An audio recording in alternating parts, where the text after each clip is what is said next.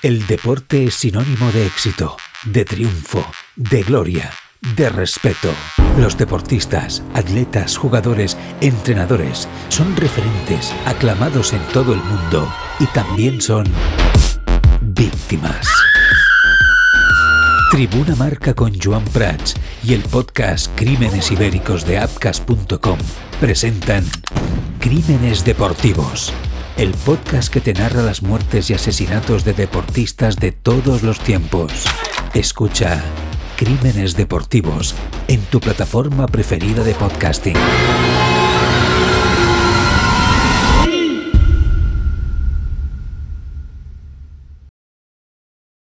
Tarda i benvinguts al Tribuna.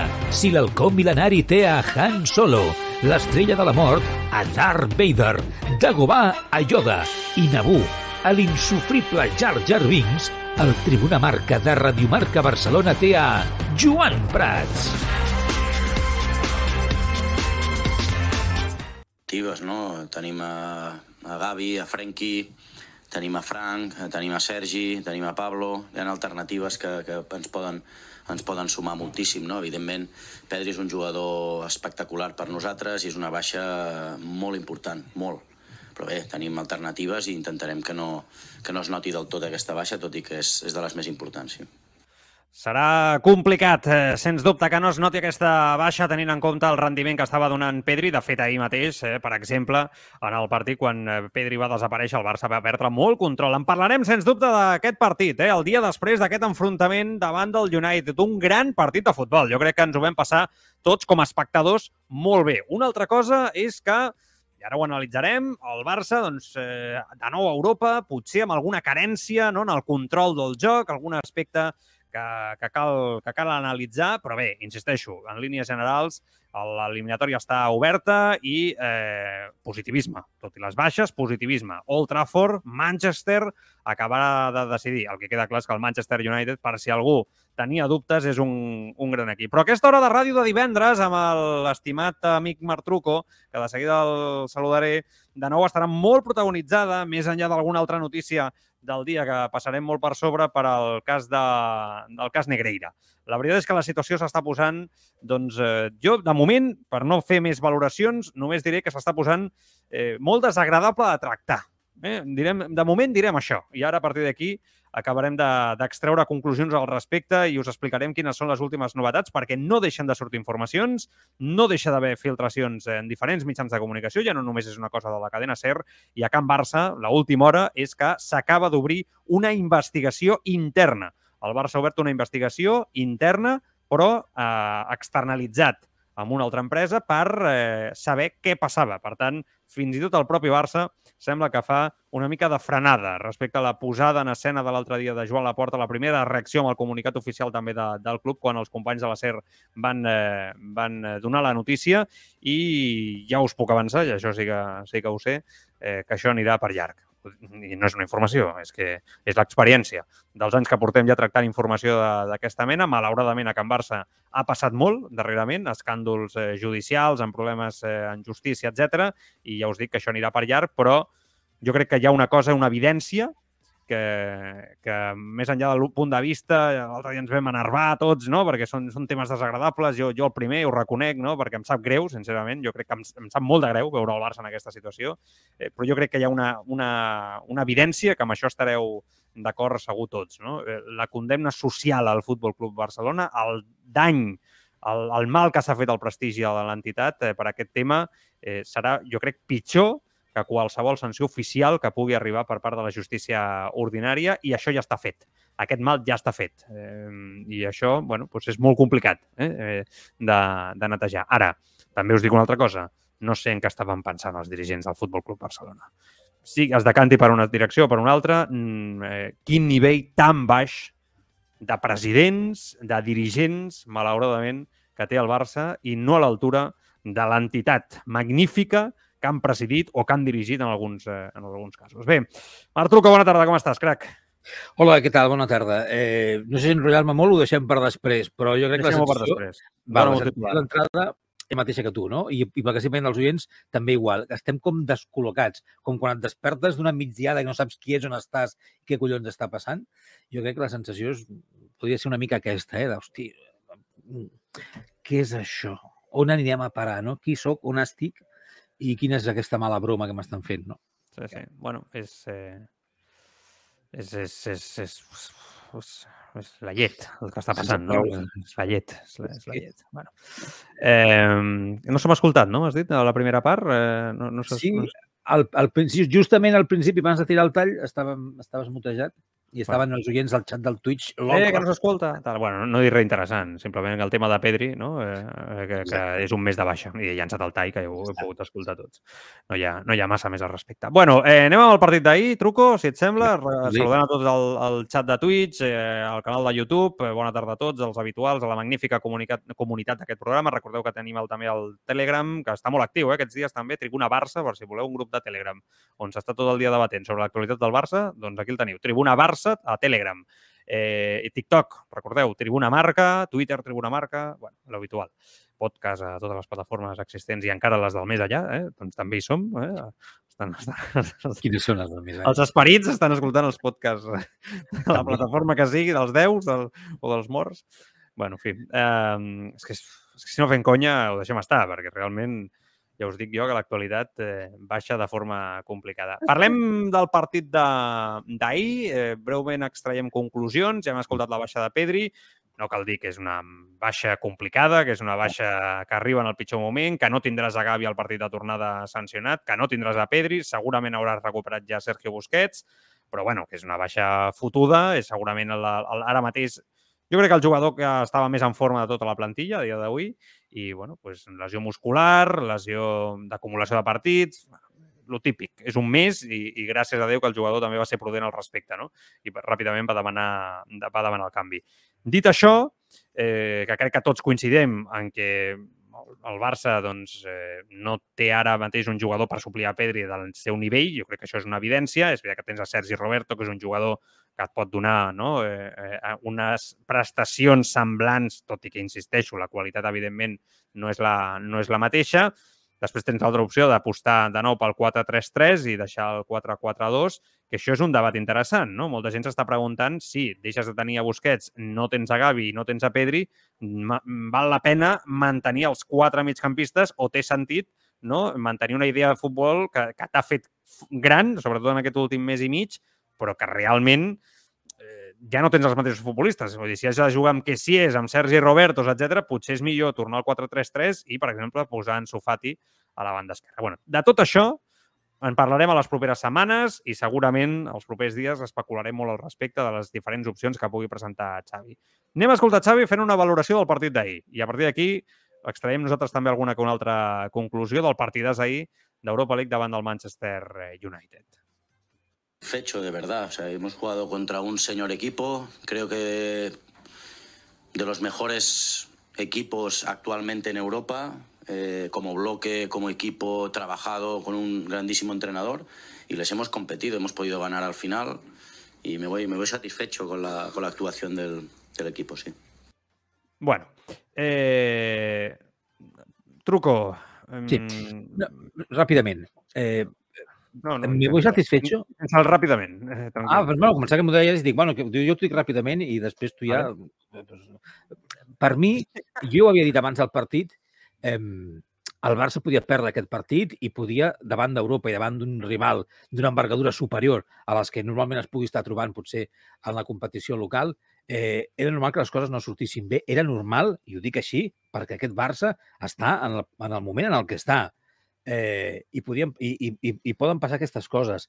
Eh, jo no sé si diria com Xavi que me voy satisfecho, però entenc que quan ell diu me voy satisfecho és perquè, vull entendre, eh, que és conscient del moment en què està el seu equip i que davant d'uns rivals eh, doncs les coses no els acaben de sortir bé perquè encara, a part de les baixes que puguin tenir, vale? Mm. aquestes coses, encara no acaben d'estar al lloc on han d'estar, encara no acaben de tenir les peces rodades. Sobretot en pilota, no? Eh, sobretot en pilota, perquè de, de nou ahir el Barça empata, el Barça està contra les cordes, 1-2 al marcador eh, i, i empata amb el gol de Rafinha, de nou amb una recuperació alta, gràcies al joc sense pilota, la pressió alta, vull dir, en pilota, en el control del partit, el Barça segueix estant molt lluny de, de l'objectiu. Jo crec que això és, és una, una evidència i per això ahir el partit truco és un partidàs. Vull dir, clar, és un teva meva continuat, el partit trencat, un box-to-box, -box, futbol directe, futbol molt físic, no? Eh, molt del Manchester United, molt de Premier League, ah, no? Sí, sí, sí. El Barça, eh, sí, és evident que Xavi es trobaria molt més a gust amb mm, grans eh, possessions, eh,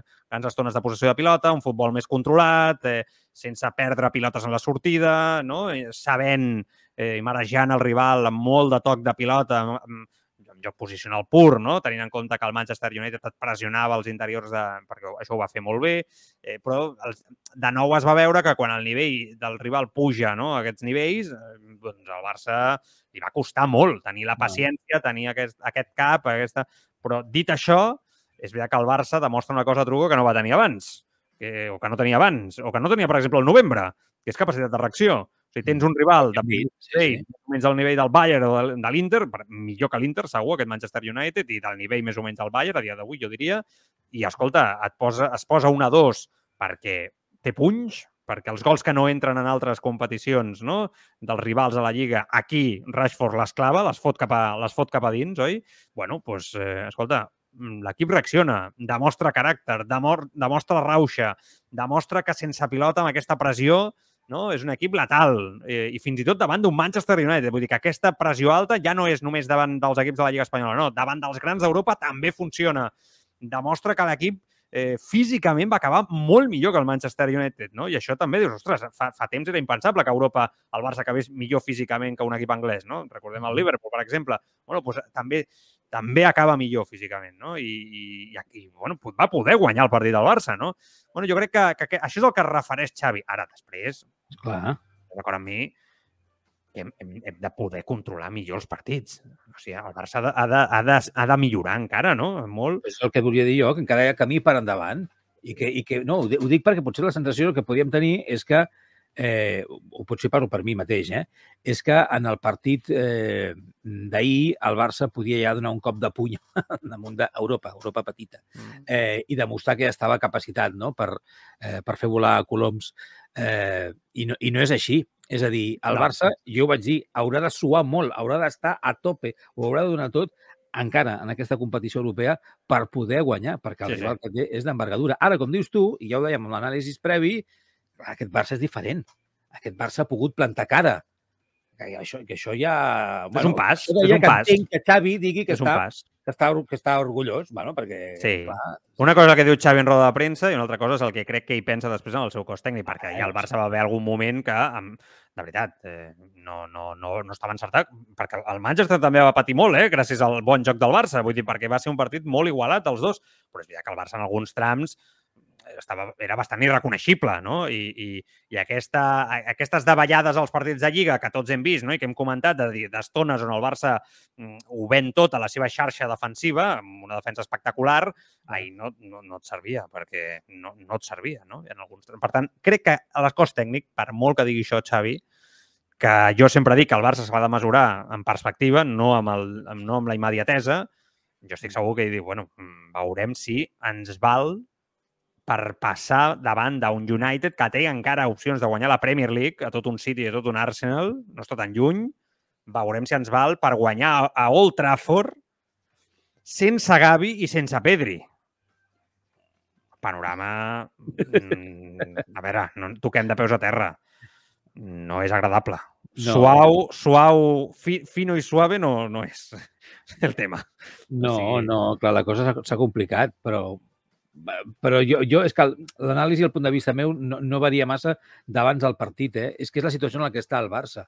El Barça ha d'anar evolucionant, ha d'anar plantant cara, ja ho fa, ho fa millor, com deies tu, que mm. mesos enrere, que temporades passades a Europa, com a mínim a nivell no? d'esprit i, de, i de lluita, però com dius tu també queda molt recorregut per endavant, s'ha de fer molta feina. Eh, jo estic convençut, a més a més, ara ho parlarem, que encara que digui que no, jo crec que el que passa a nivell d'entorn eh, ha d'afectar, no només a nivell esportiu. Jo crec que, eh, no sé si ja parlarem del tema dels àrbitres d'ahir, alguns oients ja estan... Ja sí, ara, ara. ara les seves coses. Sí, sí.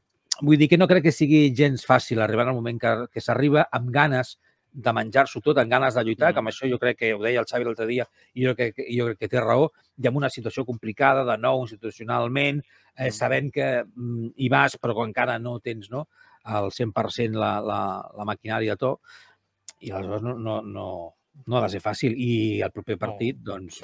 Serà dur, serà dur el dijous, eh? Serà, serà, serà molt dur. És veritat que, que ahir, per exemple, jo, una sensació que vaig tenir, no? també veient el partit, eh, Xavi, mm, ostres, mm, porta una trajectòria, sobretot en aquest 2023, molt bona, d'encerts, no?, des de la seva funció com a, com a entrenador. Crec que aquí ho hem comentat moltes vegades, eh, que ha madurat, ha donat un pas també endavant en les decisions i, i ell mateix ho, ho ha reconegut en alguna roda de premsa, però eh, ahir al davant hi havia un entrenador de molt nivell. O sigui, la sensació que vaig tenir eh, és, és que ah, hi havia un, un entrenador del nivell de l'entrenador que té el Barça. I, i això eh, crec que també va complicar-li la vida molt al Barça. Ja, ja per començar el plantejament, al final jo crec que Xavi pensava en posar Araujo, quan posa Araujo al lateral dret i a Condé el torna a posar com a central, els canvia, diguéssim.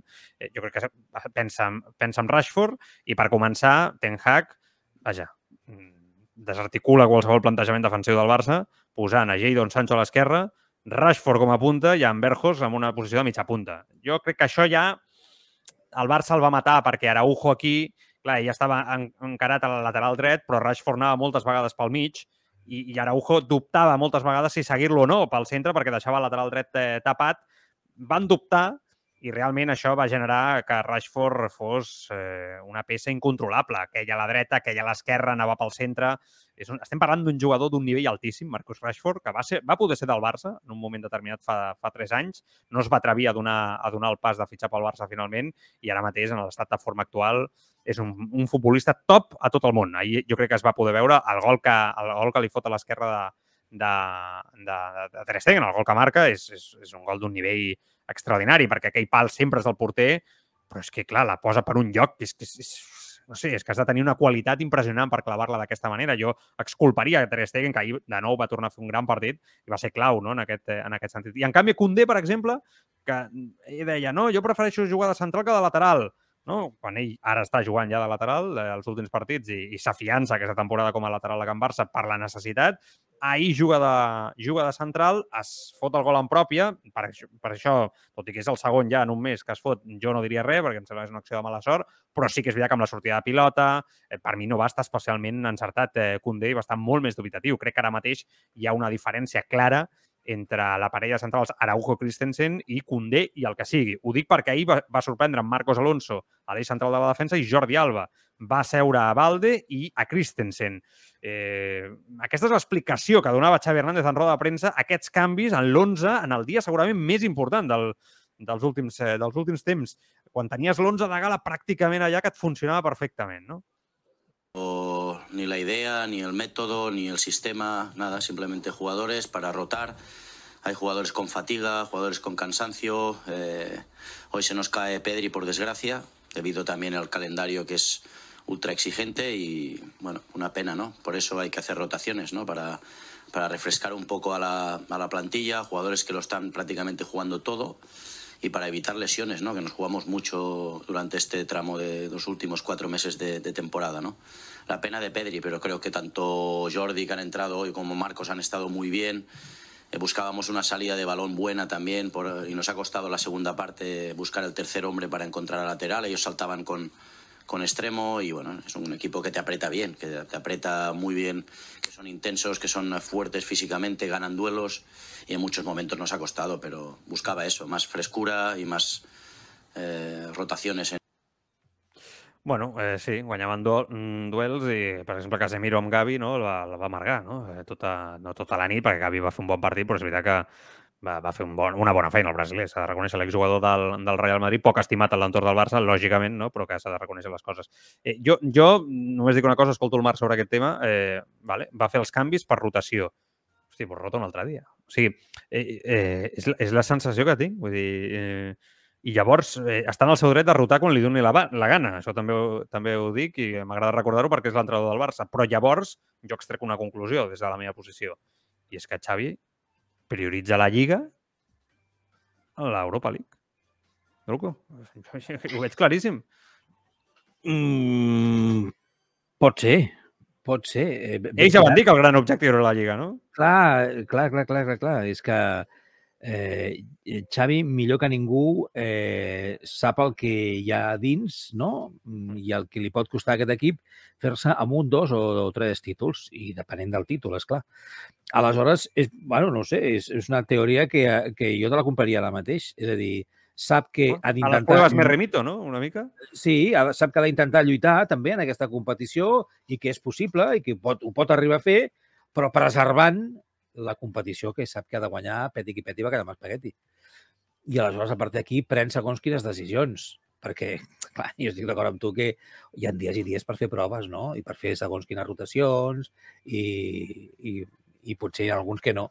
A no ser que no estiguin prioritzats no? en la teva llista i que no sigui el primer objectiu. Podria ser una bona explicació, perquè dubto ja sé que alguna vegada, ja sé que Xavi es pot equivocar i segurament que ara, si miréssim la meroteca, trobaríem un o dos o tres dies que ha pres decisions que no tocaven, no? que no estaven encertades, o que el resultat no l'ha esperat per ell. Però segur que ho fa amb un criteri. Xavi segur que ho fa amb un criteri que damunt del paper es justifica d'alguna manera. La cosa que ens l'acabi d'explicar. No sé. Bueno, eh, eh, jo sempre he pensat que s'havia de respectar molt aquesta competició i que, tot i que és una competició que no és la Champions, que és el teu lloc o el que et correspon, mmm, pots guanyar molt eh, respecte a la Champions de la propera temporada si et fas fora a l'Europa League aquesta temporada davant de rivals com la Juve, l'Arsenal, el Manchester United, que són equips de Champions, no? És que enguany l'Europa League és una passada. Però, eh, bueno, entenc també les circumstàncies. Tens lesionats, etc. La Lliga és el que et donarà el prestigi, segur, ah. d'aquesta temporada i la recuperació d'un Barça guanyant títols i la fi de la crisi. No? Eh, L'Europa League eh, crec que en aquest sentit és el complement, igual que ho és la Copa del Rei, a la Lliga, però la Lliga és indispensable per aquest Barça. Jo crec, puc entendre que per aquí van, la, van les eh, coses. Moment del partit d'ahir, d'un Rafinha que va ser clau amb el seu gol i que segurament mm, va tenir, de nou, no? aquestes sensacions de que tàcticament encara li queda molt, però que és un jugador que sempre que està sobre la gespa passen coses. Segurament estava jugant el millor moment del partit quan el va substituir per Ferran Torres.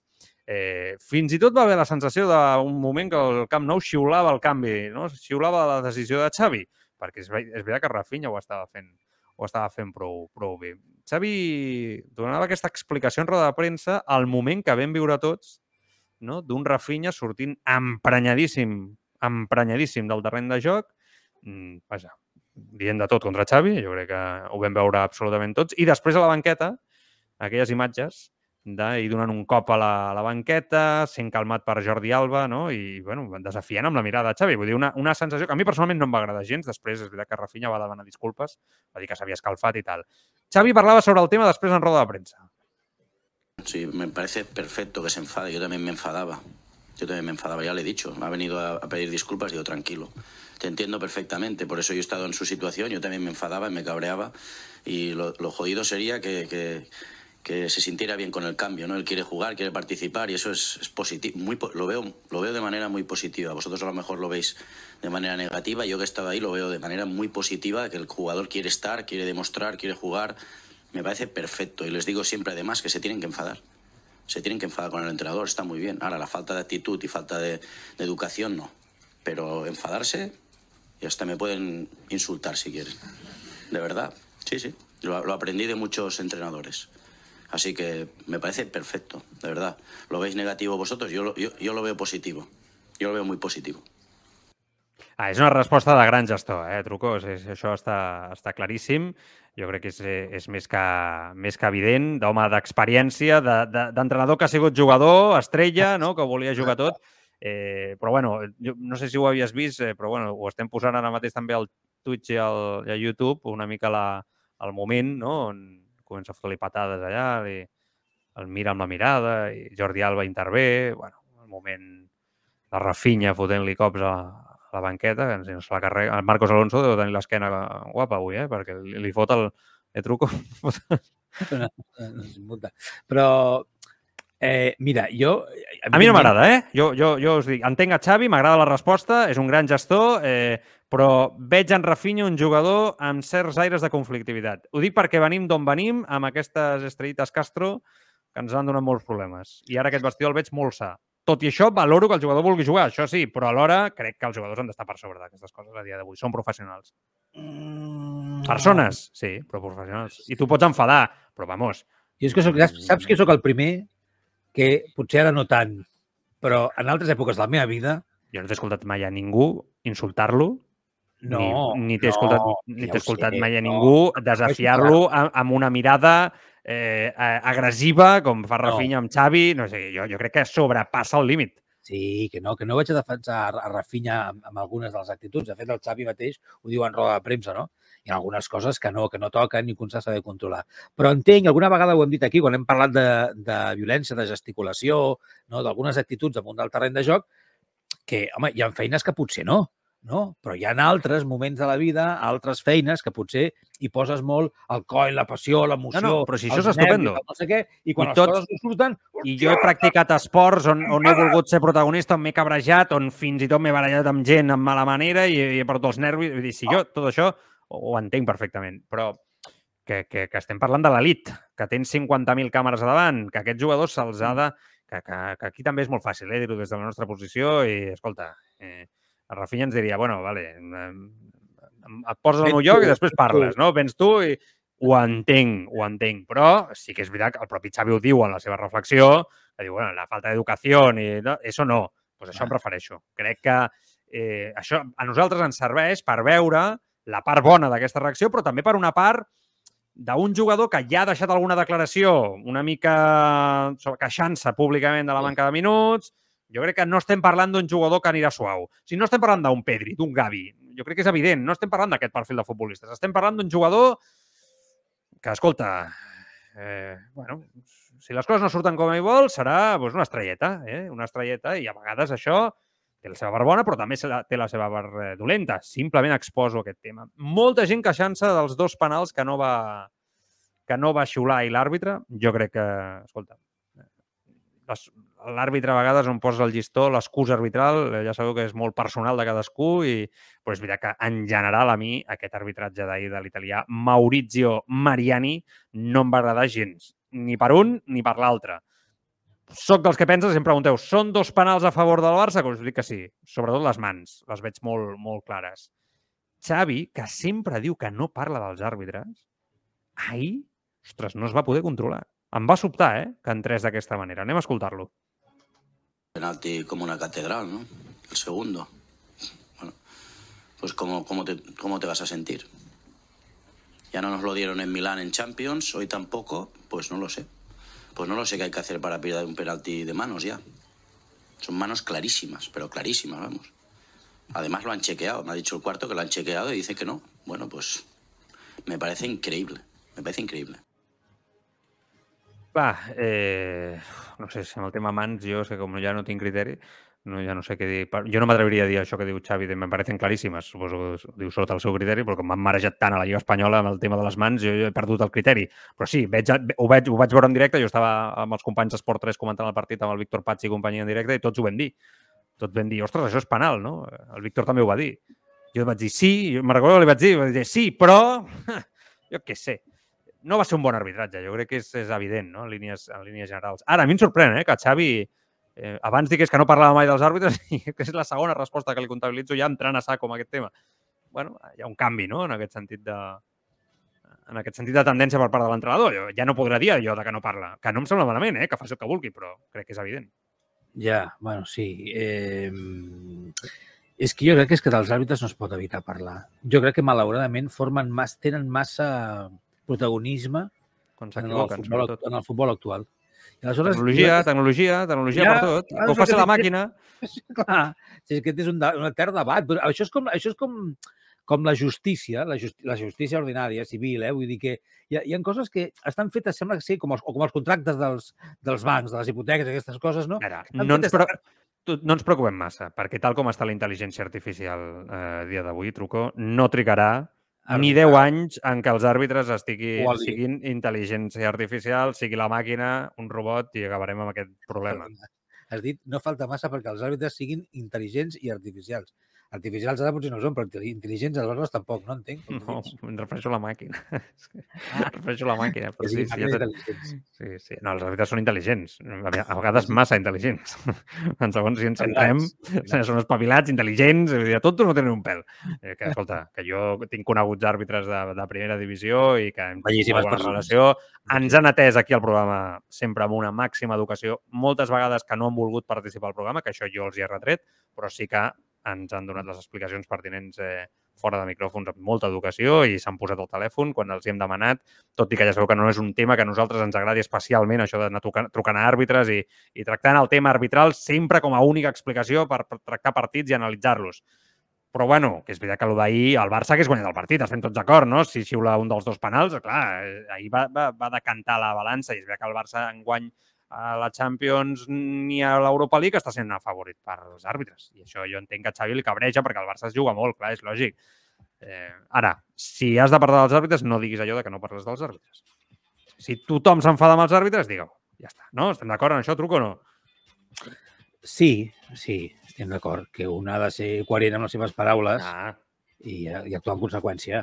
Sí, ja és veritat, és veritat. Bueno, Mira, no vaig llegir, no, no llegiré missatges no? dels oients, eh, perquè veig, estat, mentre anàvem parlant del partit d'ahir, veig que la majoria de missatges tenen a veure amb el que ara tractarem, que és el, el cas, no? el cas ja conegut com a Negreira Gate, pel nom d'aquest senyor, i com veig que molts dels missatges que esteu exposant van en aquesta línia, doncs després ja, si voleu, al final llegirem tots els missatges dels, eh, dels oients. Anem amb el tema arbitral, Futbol Club Barcelona i el cas eh, Negreira. Eh, jo estic ara mateix en aquest punt de dubte. Eh? Us ho exposo abans d'explicar-vos les últimes novetats. Tres paraules. Servei legal, suborn o xantatge. Vull dir, jo, jo estic en aquests tres punts ara mateix, eh? I suposo que el temps acabarà de, de donar-me la llum no? de, de tota aquesta situació. Avui hi ha una informació que jo crec que ho pot canviar absolutament tot, o crec que ja ho ha canviat absolutament tot, ja la reacció de molta gent ja no és la mateixa que l'altre dia. Jo cada dia estic més convençut que estem davant d'un cas d'extorsió. A dia d'avui jo penso això per part del senyor Negreira. Però és el meu punt de vista. Sensacions agafant totes les informacions. La meva sensació. El Barça té un problema, però el Comitè Tècnic d'Àrbitres i la Reial Federació Espanyola de, de Futbol en té un altre més greu. Perquè aquí, vaja, eh, això crec que és molt difícil que ens creiem absolutament res sobre l'arbitratge espanyol donades les circumstàncies. Donades les circumstàncies. bueno, el Mundo explica que Negreira va començar a treballar al Futbol Club Barcelona amb Joan Gaspar, a l'arribar Joan Laporta a la presidència el 2003 es va augmentar la quantitat rebuda fins als 573.398 euros anuals. Per tant, és Joan Laporta, l'actual president, en el seu moment, el que augmenta aquest pagament a la famosa empresa del senyor Negreira. A més, El Mundo publica un fax on amenaça el senyor Negreira amb desvetllar les irregularitats de forma pública si Bartomeu li deixava de pagar la quantitat que s'havia anat pagant puntualment des del 2001. En aquell moment, quan Negreira havia deixat de ser el vicepresident del Comitè Tècnic d'Àrbitres, no crec que sigui casualitat, Bartomeu decideix deixar de pagar-li. Què fa Negreira? Com us dic, ho desvella aquest eh, fax que hem llegit tots avui, doncs amenaça amb desvetllar les irregularitats. Quines irregularitats? Això és el que hem d'acabar de, de saber. Refereix a irregularitats al camp, irregularitats en l'elecció dels àrbitres, irregularitats de, de gestió de, de Bartomeu. bueno, eh, aquest és el, aquesta és la gran pregunta, no? Per què just quan Negreira deixa de ser vicepresident i tenir influència, el Futbol Club Barcelona el deixa de pagar o deixa de pagar la seva empresa. Ahir Bartomeu deia a l'avantguàrdia que és absolutament fals pensar que van comprar cap àrbitre i que no tenen res a amagar. Això és el que diu Bartomeu. De fet, ho ha reiterat avui en una altra entrevista. Bartomeu recorda que els informes es feien i es fan de forma habitual a tots els clubs i també recorda que Negreira també feia informes tècnics i no només sobre àrbitres, que això em sembla, deixa'm dir-te, truco, molt escandalós, amb la de tècnics boníssims que hi ha no, al Barça, contractats, per què nassos li has de pagar diners a, a un tio que, bueno, perdoneu-me, però no, em sembla que no, no crec, dubto molt que tingui més coneixement que els tècnics del Barça. Sobre jugadors, eh, em refereixo sense tenir el tema arbitral. Escandalós. Diu que va ser, Bartomeu diu, que va ser casualitat que s'acabés amb el seu servei, el que donava Negreira, just quan Negreira va deixar de ser vicepresident. Va ser casualitat, diu Bartomeu. Això sí, Bartomeu reconeix que els pagaments eren bastant alts. O sigui que aquí sí que diu... bueno, teniu raó en dir que els pagaments eren alts. López Nieto, López Nieto, mm, exàrbitre de primera divisió, en aquella època també, ahir al partidazo de, de COPE, que Juan Magastanyo, que deia defensava la integritat arbitral del col·lectiu espanyol davant d'aquestes accions del senyor Negreira i diu que aquest senyor només ha venut fum al llarg de la seva, de la seva carrera professional. A hablar poco y pues quiero hablar después, si me permitís un día bien. Esto es una patraña, una patraña este señor Negreira es indigno de haberse vestido de árbitro alguna vez. Ahí no hay ninguna sospecha. Él ha vendido un, tenía menos autoridad que un chanquete, es decir, el comité de designación lo componían Victoriano Sánchez Arminio, Evaristo Puente Leira y yo, y mandaba menos que el conserje de Valladolid o de, de, Málaga o de por ahí. No mandaba nada. Ha vendido un y alguien se lo ha comprado. Es sistema absolutamente vergonzante para el arbitraje y para la persona que lo compra. Es decir, que aquí estamos hablando y denunciando al señor Negreira, que, me parece que le ha hecho un flaco favor al arbitraje, contando mentiras y vendiendo humo, repito, vendiendo humo, pero también hay alguien que la ha comprado. Aquí yo creo que le ha hecho un flaco favor a la competición y creo que el arbitraje, más allá de declaraciones puntuales que podamos hacer, tenemos que actuar de manera jurídica y personarnos como acusación personal. Esto no puede quedar así porque no hay duda, los árbitros son absolutamente honrados, ese dinero no ha llegado a ningún lado. Y aquí doy la cara por el presidente Victoriano Sánchez Arminio, que con defectos, virtudes, muchas más virtudes que defectos, ha defendido siempre la honradez de los árbitros. Esto es una traición al colectivo, a los árbitros, a la competición y evidentemente el que se la ha comprado, igual de traidor que él. Los amantes del ciclismo ya tenéis vuestro podcast. Seas globero, amateur o profesional, apúntate a la grupeta de Escapa Podcast. La actualidad de la semana, las competiciones, ciclistas destacados, equipos. Escapa Podcast, con entrevistas, debate, la información técnica y las novedades del mercado de la bici gracias a la tienda líder de ciclismo. Escapa. Ponte el maillot con nosotros. Escapa Podcast en las principales plataformas de podcasting. Bueno, mm, assenyalant clarament el Barça, en aquest sentit, en una altra postura, el que dèiem abans, no? Possiblement el Barça mm, era eh, babau, no? per dir-ho d'alguna manera, per comprar el xantatge del vicepresident del comitè tècnic d'àrbitres. Aquesta teoria que va guanyar en pes en alguns eh, focus d'opinió de dir, no, no, és que el Barça estava estava comprant o pagant uns diners perquè des del comitè tècnic li feien xantatge amb que hi haguessin mals arbitres, no, mals arbitratges que el podien eh, perjudicar com a, com a. Bueno, a partir d'aquí hi ha més, hi ha més, no he acabat encara. Avui el Confidencial explica que la Fiscalia investiga una tercera empresa en tota aquesta trama.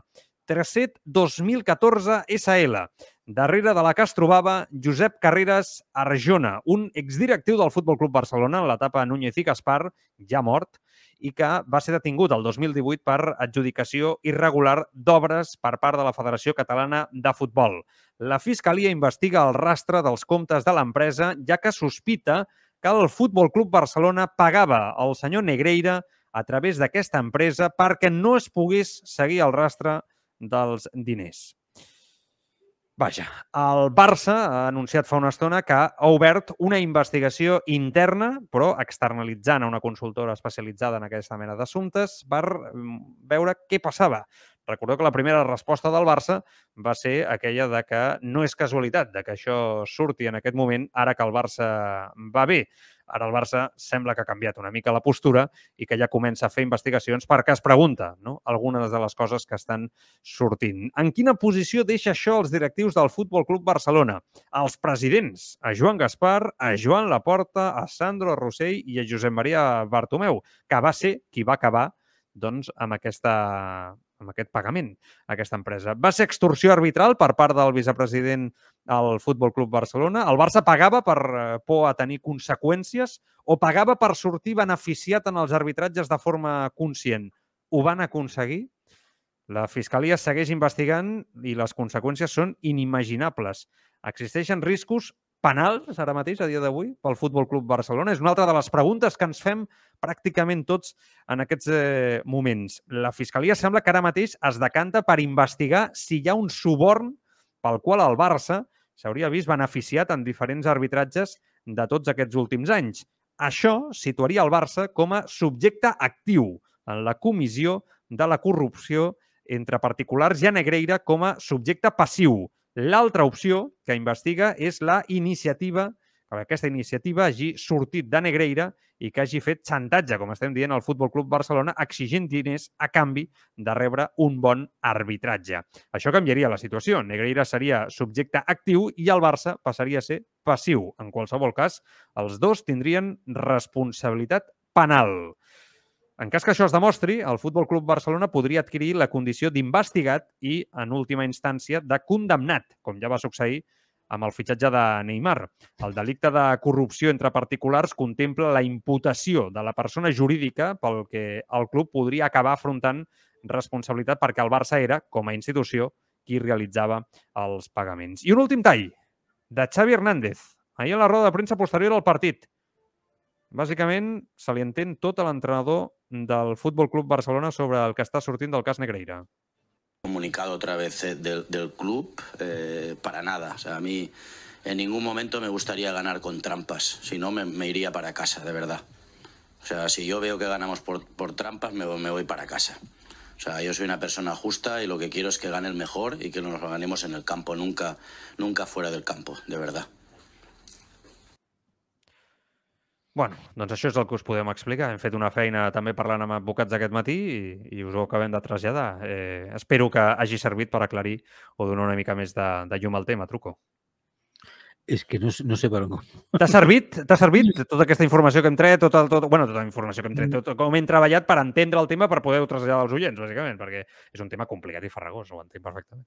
M'ha servit per adonar-me que el tema és molt més complicat, que té moltes més aristes, moltes més capes del que, en un, del que inicialment podia, podia semblar, no? I, I que aquí el que haurem de veure és els diferents processos d'investigació, no? els, els, els de la Fiscalia, els judicials, els de la policia, els del Barça, no? fins on arribaran. És a dir, què acabarà sortint aquí? Perquè jo crec que el que tots demanem, com a mínim des de, des de l'àmbit dels seguidors, dels aficionats del Barça, eh, com crec que estan dient la majoria dels oients que ens estan escoltant a través del, del Twitch i ho estan deixant en el xat, el que volem saber és la veritat. Primer, a, a, a, aquesta sensació de basta ja. O sigui, prou. Com deia el Josep Cuní, prou, prou, prou, prou. I ja està bé d'emmerdar cada setmana amb, amb, amb un Barçagate més gran o més petit. Estem fins als ous ja. Vull dir, això s'ha d'acabar d'una vegada. Però el fotut és que no estan sortint coses d'ara, sinó que encara estem traient merda d'abans, de, del passat. Sí, clar. Però és... Sí, sí, no, no. conseqüències, eh, fins i tot fins fa molt poc, eh? Això acaba sí. just abans sí, sí, de la pandèmia, és quan acaba. Però vull dir, sí, però vull dir que tot això ve, ve de molt lluny. Ara estem parlant d'una cosa que ve de molt lluny. Molt bé. Aquí el que fa falta és la veritat. Vull dir, podem especular 50.000 coses.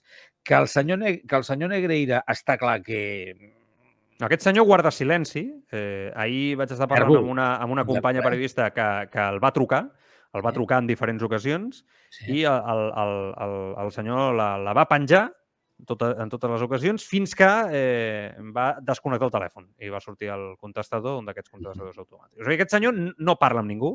Recordeu que la seva empresa... Escolta, que a veure, aquí la seva empresa està sent investigada per la Fiscalia, vull dir, perquè aquí els, a la Fiscalia li salta l'alarma quan veu uns pagaments irregulars, etc etc. Per tant, aquest senyor, calladet. El seu fill, calladet.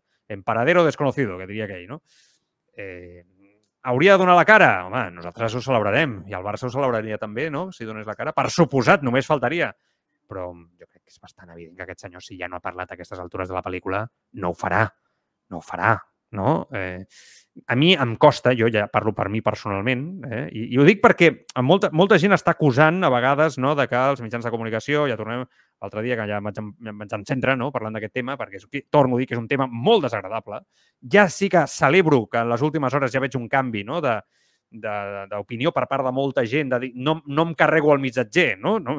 sinó que vaig, vaig a analitzar el que passa. Jo, jo crec que aquí d'això és molt culpable el Barça, que va intentar en una primera instància, jo ja ho vaig dir l'altre dia, crec que és molt desafortunada la, la primera intervenció del president Laporta en aquest, en aquest cas i el comunicat del Barça dient no, o manifestant o criticant el moment en el que surt la informació, no? perquè jo crec que és suficientment important perquè això ni ens ho plantegem. Vaja, això per començar, i després que el periodista ha de treure la informació. Aquí hem de tractar el que és notícia, i la notícia va pel davant de tot, passi el que passi. No? I això, bueno, eh, va, ser, va costar molt d'entendre, però ja celebro que en les últimes hores ja he vist no, que la gent s'ha donat de la magnitud de, de la problemàtica, del cas que estem tractant, i a partir d'aquí doncs, eh, ja ens, ens fem preguntes, gràcies a Déu. No? Dit això, com dic, crec que el, la, la situació que s'està tractant amb alguns mitjans de comunicació potser no és la més afortunada. Jo també ho, ho dic. Hi ha molta gent que s'està queixant de que potser s'està posant el Barça en una situació de que ha guanyat lligues de forma irregular, de que ha comprat partits amb arbitratges, no? Tal. Jo això no ho puc afirmar. Aquí no ho escoltareu, perquè deixarem que la justícia faci la seva feina. Deixarem que la justícia faci la seva feina, però sí que ens permetreu que nosaltres ens preguntem coses. Per què és la nostra feina, punt número 1, i perquè creiem que és fins i tot la nostra responsabilitat. Perquè nosaltres tenim unes informacions, les acabem d'exposar sobre la taula i ens preguntem què. Això què? Què et suscita això? I el Marc Trucó dirà, pues, mira, això així, això s'ha i tal. I crec que això mm, és necessari. És necessari perquè entre tots hem de saber aquesta veritat. I la justícia que faci la seva feina. Però escolta, que els aficionats del Barça mereixen un respecte. Mereixen un respecte. I si no el tenen aquest respecte als seus presidents i als seus dirigents, com a mínim els mitjans hem de ser-hi allà. Tenim una responsabilitat en tot això. I el que jo estic fart és dels dirigents horribles, horribles, que té aquesta entitat. I ja m'és igual de qui parlem. Així de claus ho dic. Així de claus ho dic. Perquè mira, ja sabeu que aquí no som ni uns ni uns altres, ja ens coneixeu, però crec que és una evidència i el temps ens ho diu, que ni Joan Gaspar, ni un, ni el que ve darrere, ni Joan Laporta l'actual, ni l'altre, ni el Bartomeu, és que no vull dir noms perquè tots els sabeu qui són, ni un. O sigui, el, un, després hi ha uns pitjors que l'altre, sí, tots sabem quins són, i la, la, la, la gestió lamentable no, de l'etapa de Josep Maria Bartomeu. Però permeteu-me dir que aquesta no és la línia bona que el Barça fa molts anys que en la direcció dels seus dirigents va, va directe cap al pou. Vull dir, és que no, aquest nivell, però ja no diria nivell de direcció, perquè mira, gestionar números, fer fitxatges i tal, això a nivell executiu, amb els CEOs al cantó, experts, això, mira, és, és, pots fer un millor, l'altre, exacte. Sí. Però la, la part humana, la part d'entendre el, el, la, el que és la responsabilitat del càrrec de president, de vicepresident, del directiu, respecte al sentiment del club i de molta gent que està al darrere, això és el que jo trobo faltar. Segurament és un reflexe de la, de la, de la societat, de, la, de, de com ha anat la societat en, en, jo, sí, empitjorant, sí, diguem-ho clarament, no? empitjorant en aquest sentit.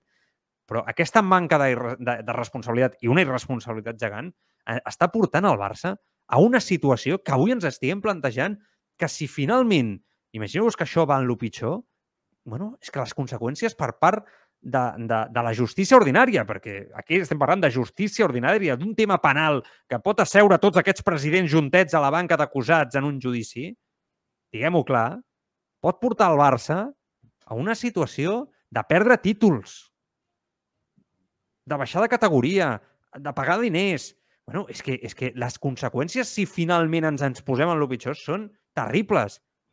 Si eren, si eren, eh, si eren víctimes d'un xantatge, perquè tampoc diria la, la paraula víctima per part d'aquest senyor, bueno, jo el que espero d'un president del Barça, Trucó, si, si això és així, que jo ja veurem, és que surti i manifesti el primer dia quan arriba un president al club i digui, escolti, miri, que hi ha un senyor a la Federació Espanyola de Futbol que ens fa xantatge, tu convoco una roda de premsa, faig una entrevista. El senyor Negreira, a través de la seva empresa, ha pagat tants diners a l'altre president que ja s'ho fotrà, ja fotrà. Tu, aixecar les catifes i això és un president digne. Ara, però què és això? Si és que sigui per un cantó o per l'altre, jo hi veig una mala direcció, una mala responsabilitat per part dels directius. És que és lamentable, de veritat. Aquest és el gran problema. I aquí és on s'ha de posar el focus. En els directius del nivell baixíssim que ha tingut el Barça durant aquests 20 anys, en els presidents que no han estat a l'altura en els últims 20 anys. No, no, és que truco, ho penso així. Sí, ho penso així. I si hi ha molta gent que, escolta, evita dir-ho, el Barça ha tingut presidents, vicepresidents, directius d'un nivell molt baix. No, no, d'un nivell molt baix i no a l'altura de la seva afició i de les persones que estan darrere d'aquest club. I et diré més. Durant aquest transcurs de temps ha hagut periodistes que s'ha quedat demostrat no han estat a l'altura de les circumstàncies i han estat, evidentment, part implicada d'aquest nivell baixíssim amb la direcció, no per part dels directius. Però hi ha altres periodistes que han estat a l'altura i que ho han manifestat i han aixecat el braç i s'ha mirat cap a un altre lloc, eh? Uf, quantes coses has dit. Fem autocrítica també tots, eh? En Sí. aquest sentit. Perquè de tots aquests presidents hi han hagut coses en moments puntuals i han sortit. Mm. I ara estem amb el gran, amb el gran problema a, a, a damunt i a veure com ens la traiem de sobre. Perquè això és un marrón que t'hi cagues, per, mm, de, deixa'm dir-ho així. Jo, jo crec que aquest, aquesta gent s'ha begut l'enteniment quan es fa directiu. O no, o no, o no s'han begut l'enteniment. Tot el contrari, no, Truco? No, bueno, ja saps que jo penso que moltes vegades que el món realment és tan, com- és tan complex i, i està tan complex, és tan complex i està tan podrit que no ho arribem a saber del tot bé, no? I aleshores apareixen a vegades informacions i ens sorprenem. No, no, el que passa que tu no sabies que el món eh, funcionava d'aquesta manera. Eh, eh, estic d'acord amb tu amb el nivell, no sé si dir baix, no? O, o no prou satisfactori eh, en alguns aspectes, eh, sobretot eh, humans, eh, socials, eh, de valors, de moral, eh, d'alguns dels directius del Barça per, per com han anat fent les coses. Després hi ha un problema que, que, que el venim arrossegant de fa molt de temps, que és el tema de la transparència, que és, que és, el, és el, que, el que permet, la manca de transparència, és el que permet que apareguin aquestes informacions i, que, Mm. i més en l'actualitat, a través dels múltiples mitjans, blogs i xarxes socials, la cosa es faci eh, dantesca, dantesca i es creï un mal a la Ja. imatge del Futbol Club Barcelona que pot durar pff, in secula No, seculorum. no, això ja no, això ja no es pot... Bueno, això ja està fet. El mal a la institució està fet. Igual que el comitè tècnic d'àrbitres. És molt difícil confiar en la integritat del sistema arbitral espanyol. Sí, el que, el que estava dient és que, que, que aquí, és a dir, hi han coses que no s'expliquen. Això És que aquest és el problema. És que quan van sortint aquestes informacions, quan tu ho deies avui, em sembla que ho deies ahir, i altres companys, altres mitjans, també els he escoltat reclamar-ho. Mm. Quan, I nosaltres, en altres ocasions, també ho hem dit en relació al Barça. Quan passa segons què, el club ha de sortir president, segurament. I si no, el portaveu amb dos No, collons... no, de- no, no. El president. Sí, que ja ho sé, ja ho sé. El bueno, si president. no pogués ser algú amb allò i explicar clarament què passa, com funcionen les coses i quin és el problema. Això ha de ser així. És super estrany i ens costa molt de creure que una gran entitat com el Futbol Club Barcelona ha de resulti, que no dic que no sigui així, eh? però que és estrany, que ara resulti que porta anys que algú eh, se n'ha estat aprofitant o l'ha estat, eh, com es diu, em, em, eh, pressionant, xantejant, xa- fent xantatge, Fent xantatge, per, sí. fent xantatge per rebre uns diners per... Bueno, El aquesta Barça és- ha aquest- estat aquest- sota xantatge durant dècades, aquesta és una opció. Aquesta és una Sí. opció. Hi ha una altra Sí, sí, opció. sí. No, no. Hi ha una altra opció, que, que és que el Barça estava comprant Ja sent conscient. però aquest vull dir, tema. Que aquesta opció ja, de per si, No, la no, trobo ja- És terrible. Terrible. L'altre, tres quarts del mateix. El Barça està... Perquè, clar, al Barça li estan fent xantatge per què? El Barça està pagant un milió i pico d'euros per què? Què és el que no volien que se sabés? Per què els hi feia... Vull dir, és que... I tot No, això no és de res, estem especulant. Jo crec que el xantatge va en una clara direcció de si no vols sortir perjudicat pels àrbitres, paga. Si és això, per part d'un senyor que potser... A veure, clar, és que això, això, això és veritat. O sigui, potser aquest senyor s'estava muntant la bicoca per, per, per, pel seu compte. Llavors, és l'impost revolucionari Vale. que alguns ja estan dient per aquí. Sí, però et dic una No, cosa. A mi, al Barça. pot ser, pot ser, eh, que pot ser que sigui un cúmul de casualitats i aquest senyor es muntés la bicoca pel seu compte. Pot ser, però a mi em costa molt d'entendre que amb Joan Gaspar a la Federació Espanyola de Futbol, que va estar més de 15 anys com a vicepresident treballant, ell no sapigués que aquest senyor estava fent xantatge al Barça. I amb Joan Laporta tenien una excel·lent relació amb el, amb el senyor Villar en el seu moment. A mi em costa molt pensar que Laporta tenia aquella relació amb Villar, no li va Villar i li diu, oye, tú, tú, el vicepresidente este del Comité Técnico de Árbitros me está, me, me está extorsionando. ¿Qué coño está haciendo este tío? I més coneixent a Laporta, com és Laporta, que és un tio amb un caràcter eh, no, molt fort i que, jo ho he dit moltes vegades, a mi una de les coses que més m'agrada de Laporta és que t'agafa, però t'agafa pel carrer i, si et troba i té alguna cosa, ei, què va? Escolta, tu, vine, i t'ho diu. Jo sempre ho he dit, això, que és, per tant, em costa molt de creure que això pugui arribar a passar, que el Barça durant Mira. 20 anys hagi estat ex- extorsionat d'aquesta manera. No sé, Això és- flipo, em flipo, flipo. Si això és així, flipo. màfia, eh? Però que ningú, plegar, se- eh? ningú, És que ningú s'espanti, eh? Que les coses poden funcionar perfectament així. Ara vaig a dir una simple especulació, gairebé de ficció, però que podria ser una, una veritat com un temple. I és que fa anys que el futbol hi ha una entitat, Ah. un organisme dins del futbol, que sí, que sí, que són els àrbitres o part dels àrbitres, que Ah, estan no. funcionant als clubs. Sobretot el col·lectiu, no? Perquè si vas, si vas per persona individual, segurament et trobes amb, amb casos molt professionals, però el col·lectiu com a tal no està a l'altura de les circumstàncies. Estic amb tu, és evident, sí, sí, que porta molts anys sent molt brut. que podria ser que hi hagués una extorsió. O pagues l'impuesto Sí, el o... col·lectiu. O, o la Mm, peça... Et xiularem més del Que, compte. que sí, vale, Marc, però, però escolta, que, jo, que, tor que llavors has fet també una mala praxis com a president i com a directiu, que no hi ha Per no excusa per enlloc. Sí, sí, clar. Clar, que tu has de sortir... O sigui, que el, el president Laporta està en temps encara de fer una roda de premsa, com Déu mana, com Sí, Déu mana, amb sí. documents a la mà i, i, ex- i Ja. donar explicacions. Però ja, Però ja fa tard. I també està temps de demanar disculpes. Sota el meu punt de vista, hi ha molta gent que no pensa com jo, que ho puc entendre, perquè puc entendre. No, només, no, jo potser en això sóc molt... Jo sóc molt de, de, de, de donar la cara molt ràpidament i de gestionar, però la meva posició no és la d'un president. Però jo crec que l'altre dia el president s'equivoca clarament amb aquelles declaracions del momento, la, la culpa para, no? para, que, para quien saca esto, quan qui treu ja. això és un mitjà de comunicació que torno a repetir, com vaig dir l'altre dia, que és qui es carrega a l'anterior president del Barça, oposició de Joan Laporta. Per tant, no són dubtosos al respecte.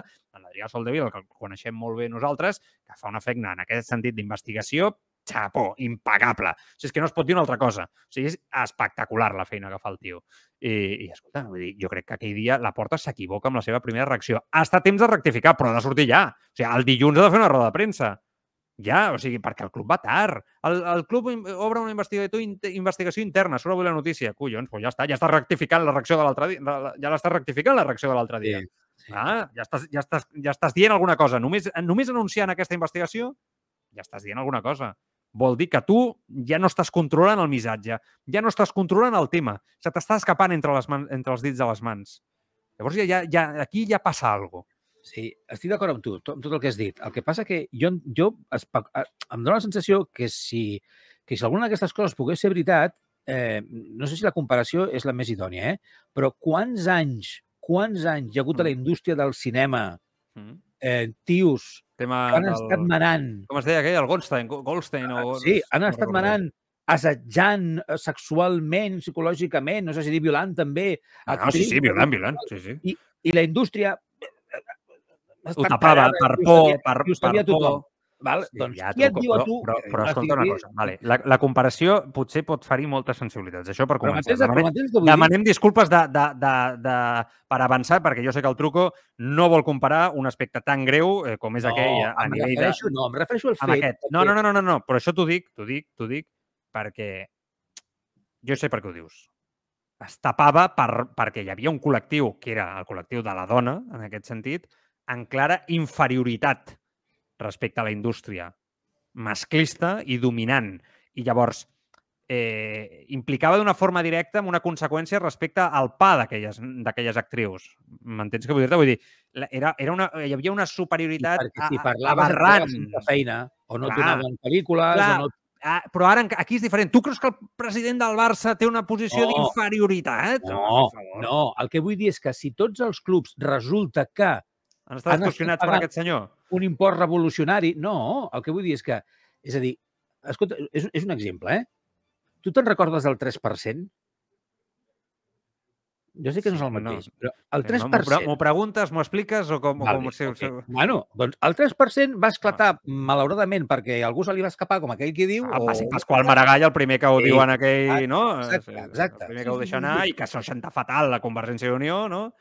I a partir d'aquí... I, I quant de temps allò devia estar funcionant i tothom ho sabia fins a aquell moment i la cosa va trigar a sortir, a saber-se, a investigar-se... Sí, ta, ta, molt. ta, ta, ta. Doncs vés a saber, el món del futbol, quant de temps fa que uns cobren secret per aquí, els altres funcionen per allà, uns han de pagar per aquí, perquè no sé quantos, i ha sigut tota la vida així. Bueno, I ara doncs- resulta que en el Barça surt això i, i Si, el Barça si diu, això és "Hòstia, així, si això és així, pleguem.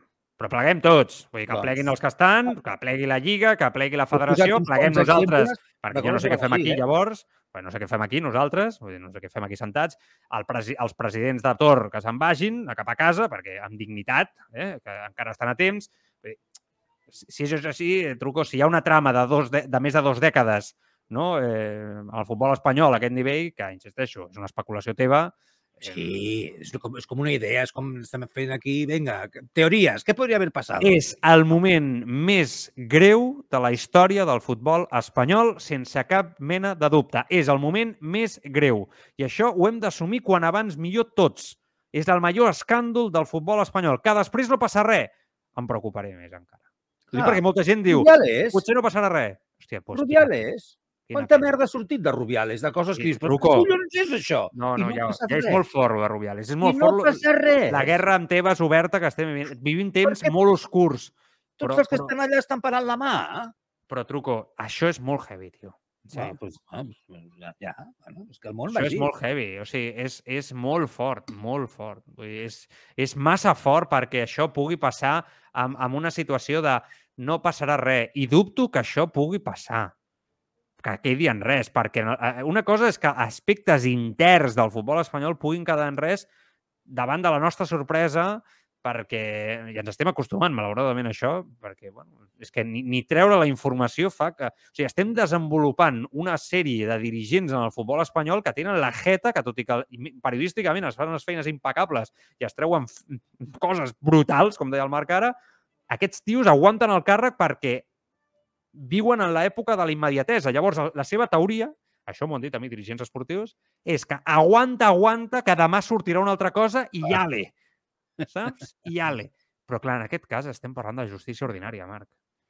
Tu saps, avui, avui parlar amb una persona que, que, que em feia unes preguntes interessants i és col·laborador d'aquest programa, he intercanviat whatsapps i, i em, em feia unes preguntes molt interessants. Em deia, Joan, quants... Si això es demostra, quants patrocinadors no? que han posat diners, quants eh, eh, cases d'apostes, no? A- partits, eh, competicions... És que, és que es pot posar en dubte tot. És que és molt perillós, eh, la veritat. O sigui, eh, Ah, les perdona, conseqüències són quantes inimaginables. Quantes vegades hem parlat de partits comprats? I de maletines, i de no sé Sí, què, bueno. i de jugadors sancionats, i de clubs, i no sé... Quanta, Sí, quanta- però mai amb una transcendència tan gran com aquesta des d'un Ja, punt de vista de la implicació de, del col·lectiu arbitral a aquest nivell amb un personatge com a tal. També és veritat, i això hem de ser conscients, que el fet de que el Barça estigui, sigui el Barça el que, està, el que hagi sortit, això ho ha magnificat molt, perquè si en comptes el Barça fos el, un altre equip, no estaria en aquest nivell, segur, perquè és així, vull dir, la, la, la magnitud que tenen Barça i Madrid és la, la que és. Tota aquella gent que diu també que darrere d'això està Florentino Pérez, escolta, Florentino Pérez no ha estat mai cap sant. A mi, personalment, no, no m'entusiasma. Tot el contrari. Però crec que hem de ser conscients que això va més enllà de forma clara. O sigui, és atacar per atacar la terra rival, no? en aquest sentit. Que després hi ha mitjans de Madrid que això s'estan aprofitant de mala manera i estan fent sang i ho estan gaudint. Bueno, no tingueu cap mena de dubte. Però és que nosaltres els hi posem en safata de plata, eh? És que els hi posem en safata de plata. Vull dir, és que, de veritat, bueno, no nosaltres, sinó els dirigents del Barça. Insisteixo, sigui en un cantó o sigui en un, en un altre. Després, de, després de, tot, de tot això que hem dit, la, la resta de coses que podem dir ja són especulacions, perquè després jo, jo puc, m'aixeco un dia pel matí i puc dir, mira, el Barça em sembla, em diu el NAS que amb totes les informacions que estan sortint és més extorsió. Després, oi, no, em diu el NAS que ha comprat eh, els àrbitres. Bueno, que parli la Fiscalia. Que parli la Fiscalia. clar, però, però del que sí que podem nosaltres parlar és de que el Barça, el president, surti, surti i parli i parli en una roda de premsa i, i la institució ràpidament, però ja no... no escolta, ja, per de, respecte als aficionats i socis del Barça, tu. On ha quedat això de quan dirigeixes una institució, truco, el respecte, no? El- Els polítics igual, eh? On ha quedat? En, en, és que vivim uns temps d'una... És, és de, veritat, de no manca de responsabilitat en la direcció i en, en, en el lideratge. Terrible, nosaltres ens eh? veiem de forma massa bucòlica des de fora. Bueno, però és que jo no em faig... Som massa passarells. Ja... Recorda que hem més una vegada tu i jo al despatx que... No, clar, jo no, jo no, em faig, no, no em faig dirigent de cap institució, ni política ni, ni esportiva, perquè suposo que sóc conscient que no, que no, que no, que, que, que el primer dia dimitiria, perquè veuria, veuria com va i diria, me'n vaig cap a casa, no? Ah, perquè diria, ostres, no, no. Clar. No, no. He de donar la cara. No, no, no, però aquí no, això no... Però recorda que molta, hi ha molta Vaig. gent que, que entra en política a vegades, va, vaig, I se'n va. en política i dura, i dura poquíssim i diu, hòstia, no. Bueno, suposo que és per això. no, sé, tu ets més gran que jo. Sempre hi ha hagut aquesta, aquest nivell tan baix de lideratge social, cultural, polític. eh? És que, no sé. Jo crec que vivim una època terrible, no? Terrible, o sigui, no sé. Va, llegeix missatges i amb això sortiran molts temes. Per tant, suposo que tornarem a parlar del, del tema. Heu, heu participat en massa, us ho agraeixo tots. Llegirem o intentarem llegir la majoria de, de missatges, però alguns, evidentment, es quedaran es quedaran fora perquè és impossible llegir-ho absolutament tot perquè tenim un fotimer avui. Va, twitch.tv barra el tribuna, truco. A tope, eh? Hi ha una mica de tot, ¿eh? eh Vale, al Paco ok. 70 BCN que digo, ¿cómo se puede ser tan imberbe para tener en nómina a Enrique Negreira este cuando estaba activo en su cargo? No lo entiendo. Mira que nuestro club, el Barça, va de cagada en cagada, como lo de Jesse Ferreira. Al DJ Jols, que posaba esta para- parrafada. Digo, buenas tardes, chicos. Estoy en estado de shock después de todo lo que ha estado destapando. Sabes que soy del Real Madrid, pero esto me entristece no solo por la gente que conozco del Barcelona, Sí, sí. no por el propio fútbol. De verdad que espero que todo se aclare y que muestren las pruebas que tengan que demostrar para limpiar la imagen del club, porque todo lo que sale a diario, como el burofax de hoy, huele muy mal y sinceramente me dan ganas de dejar de seguir el fútbol si todo esto no se aclara. Total. No puc estar més d'acord. El sentiment que crec que tenim molts ho dic perquè jo crec que també estem hastiats, no? Ha arribat un punt, no, Truco, que estem ja molt esgotats. És de... A mi em dóna ganes de... Jo, mira, jo que tinc el meu ciclisme meravellós i que, i que gaudeixo amb ell cada dia, avui amb la Volta a Andalucía i sóc l'home més feliç del món, de dir, mira, me'n vaig a la NBA, al futbol americà i, i fins i tot amb la Premier, no?, per mirar futbol i, i allà us quedeu, tu. Ja quan això tingui, tingui una altra pinta ja hi torno, no? No, no, és que sincerament ho, ho trobo completament normal, aquest missatge d'aquest oient. Completament normal. Al eh, Jeremy diu, el nuevo problema del Barça con los árbitros desgraciadamente me recuerda cuando pasó aquel incidente con la Juventus y bajaron a segunda la Juve y algún otro equipo italiano. Espero que el Barça no le pase lo mismo. Al Palala 777 que ens deia, buen partido, aunque el Manchester, en referencia a l'encontre, diu, Vale? nos llevó a su terreno, pero es totalmente entendible ante un equipo potente y de un físico de ese nivel. Y afegía, no sé de qué os sorprendéis que el club haga defensa, es lo más normal, aunque normalmente no sea lo mejor. Al Albert Mugal, que apuntava, diu, de lo que se tendría que hablar es del nuevo robo que nos hicieron ayer. Eh? Us deia abans que parléssim de l'arbitratge d'ahir. Parla 777, després afegir, el partido de ayer con Busquets se pierde, solo digo eso. Abans quan estàvem fent anàlisi, eh? El Daniel H. diu, eh, Joan, eh, yo ayer vi un Barça nervioso. Quería demostrar todo su potencial y no fueron por orden en el guion que, quería, que requería el partido. Por eso había ese toque de precipitación, creo yo. Sí. És una bona explicació, al partit. Sí, sí. Al Tugromi, que apuntava, diu, tengo un chaquetón del Barça y, hoy no me lo he puesto porque me daba vergüenza. Hòstia, és, és, és, és, és fort, això, eh? Directamente acusat. Al DJ Jones después apuntaba y luego se habla de la caverna y en los periódicos de Barcelona no se ha dicho ni pío de esto. Jo, jo he, he, he fet una captura, ah, per exemple, eh, dels companys que no, no, es es veu ara del No, Mundo? es veu? no, no, no, no es veu res. Acabo, de- acabo de punxar, no? No, no. No es veu. no. Deixa de punxar perquè no es veu. Vale, Sí. estupendo. Vale, perquè es veiés que els, que els mitjans d'aquí n'estan parlant, evidentment n'està parlant tot això. Eh? El Palau 777, després deia, i una cosa, Va, diu, si gana... Perdona, mm, s'estava parlant, però, però no- no, s'ha parlat tant com els mitjans de Madrid. Dir, les coses hem de de dir- hem de dir-les tal, tal com són, no? Eh, per una qüestió editorial i, escolta, com sempre dic amb aquests aspectes, són mitjans de comunicació privats que estan al seu dret de mantenir la línia editorial que vulguin. I tu estàs en el teu dret de comprar-la o no comprar-la des de la teva posició com a, com a lector. I també estàs en el teu dret de cabrejar-te i indignar-te. Vull dir, tot és molt respectable al respecte, sempre i quan es faci un respecte. Sense donar cops a la butaca de davant. El Palau 777 diu, y una cosa, si ganar títulos sale a 1,5 millones, barato me parece. Vamos, una ganga. Yo no sé qué hacen todos gastando cientos de millones y pagando a un tío que no tiene que ver ni con la selección de árbitros ni los partidos, directamente se consigue. Aquí el raonament de com dient, això no, no quadra.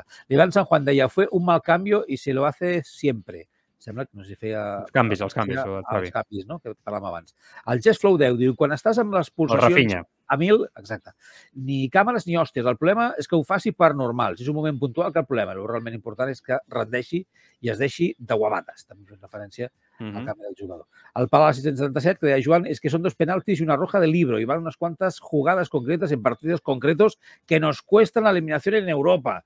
Eh? Eh, crítica contra los árbitros. Doncs el Guapi 1977 diu, el problema es que el Madrid no le sacan los trapos sucios porque Tito Floren lo tapa todo y no hay cullons. No, és que aquesta, jo aquesta resposta que, que molta, molts també m'heu fet arribar les últimes hores, els últims dies, jo ho entenc, eh? El que passa és que com no tenim la informació i no surt la informació, no podem comentar-la. Però nosaltres la comentaríem igual, ja ho sabeu, i ens escandalitzaríem igual si surt alguna cosa de la magnitud. Jo no conec tant el, el...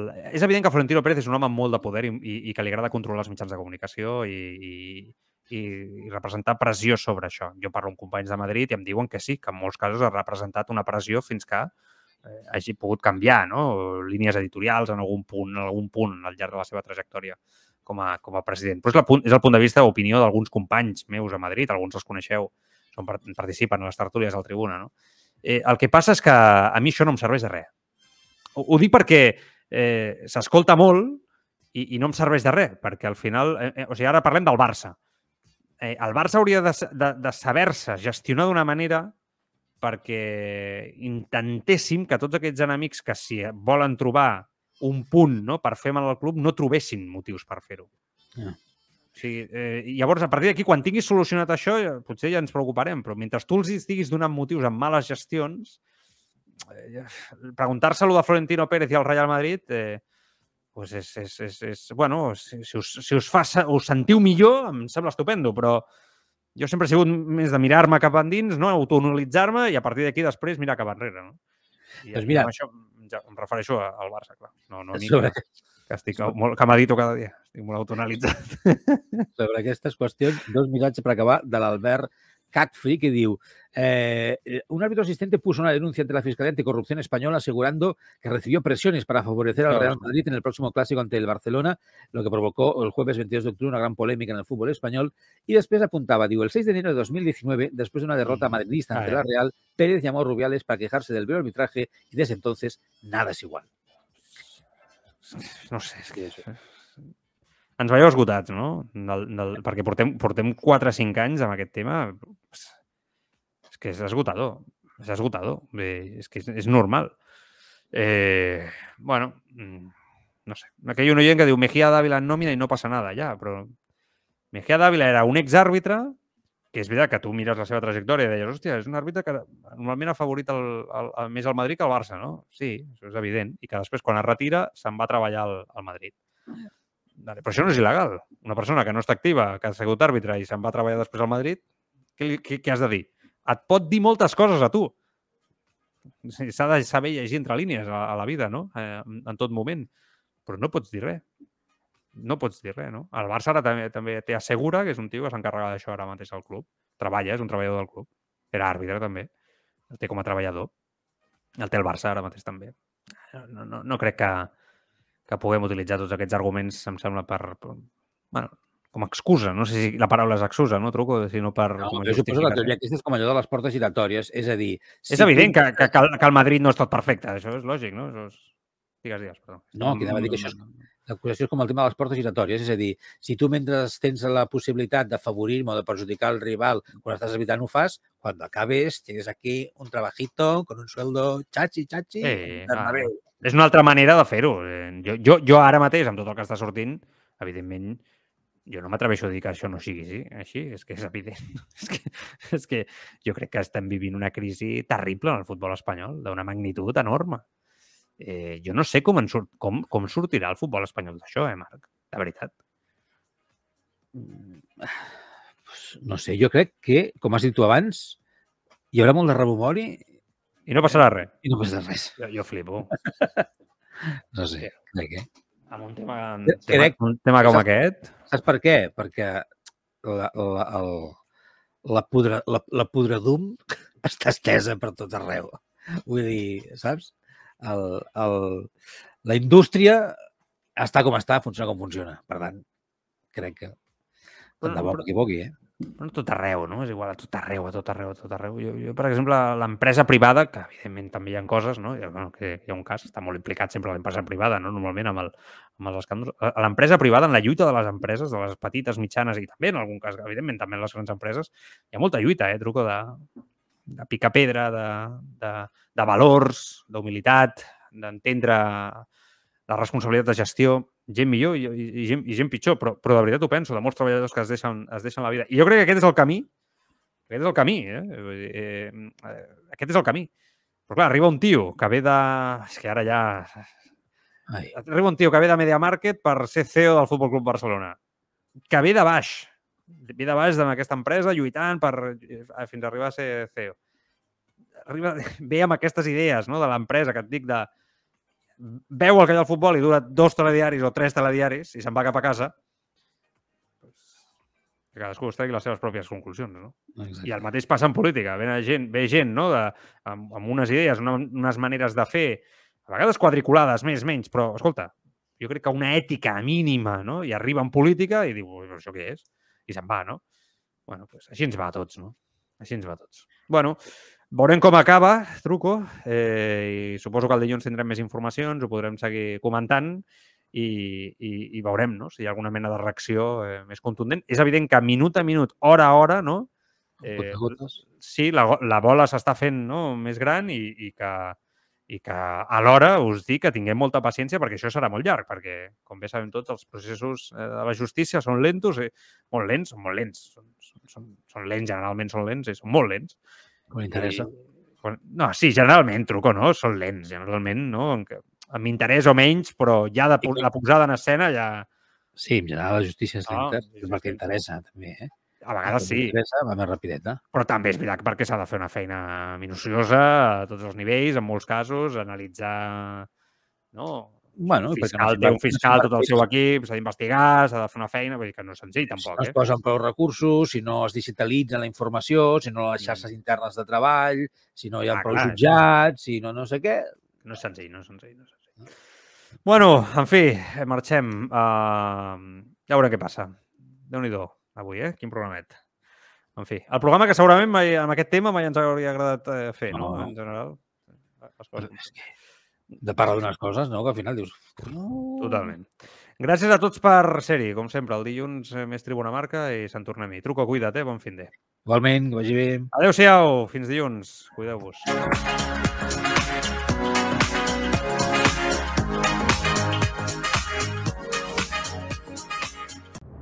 El deporte está lleno de momentos épicos, de grandes rivales, partidos inolvidables, jornadas para la historia y en algunos casos, puntualmente, golpes de efecto que lo cambiaron todo. Abcas presenta un podcast repleto de personas increíbles, de grandes deportistas y de momentos, de situaciones que han pasado a los anales de la historia del deporte. Descubre Golpe de Efecto, un podcast con las grandes historias del deporte y los grandes deportistas. Golpe de Efecto de Upcast, ya en tu plataforma de podcasting.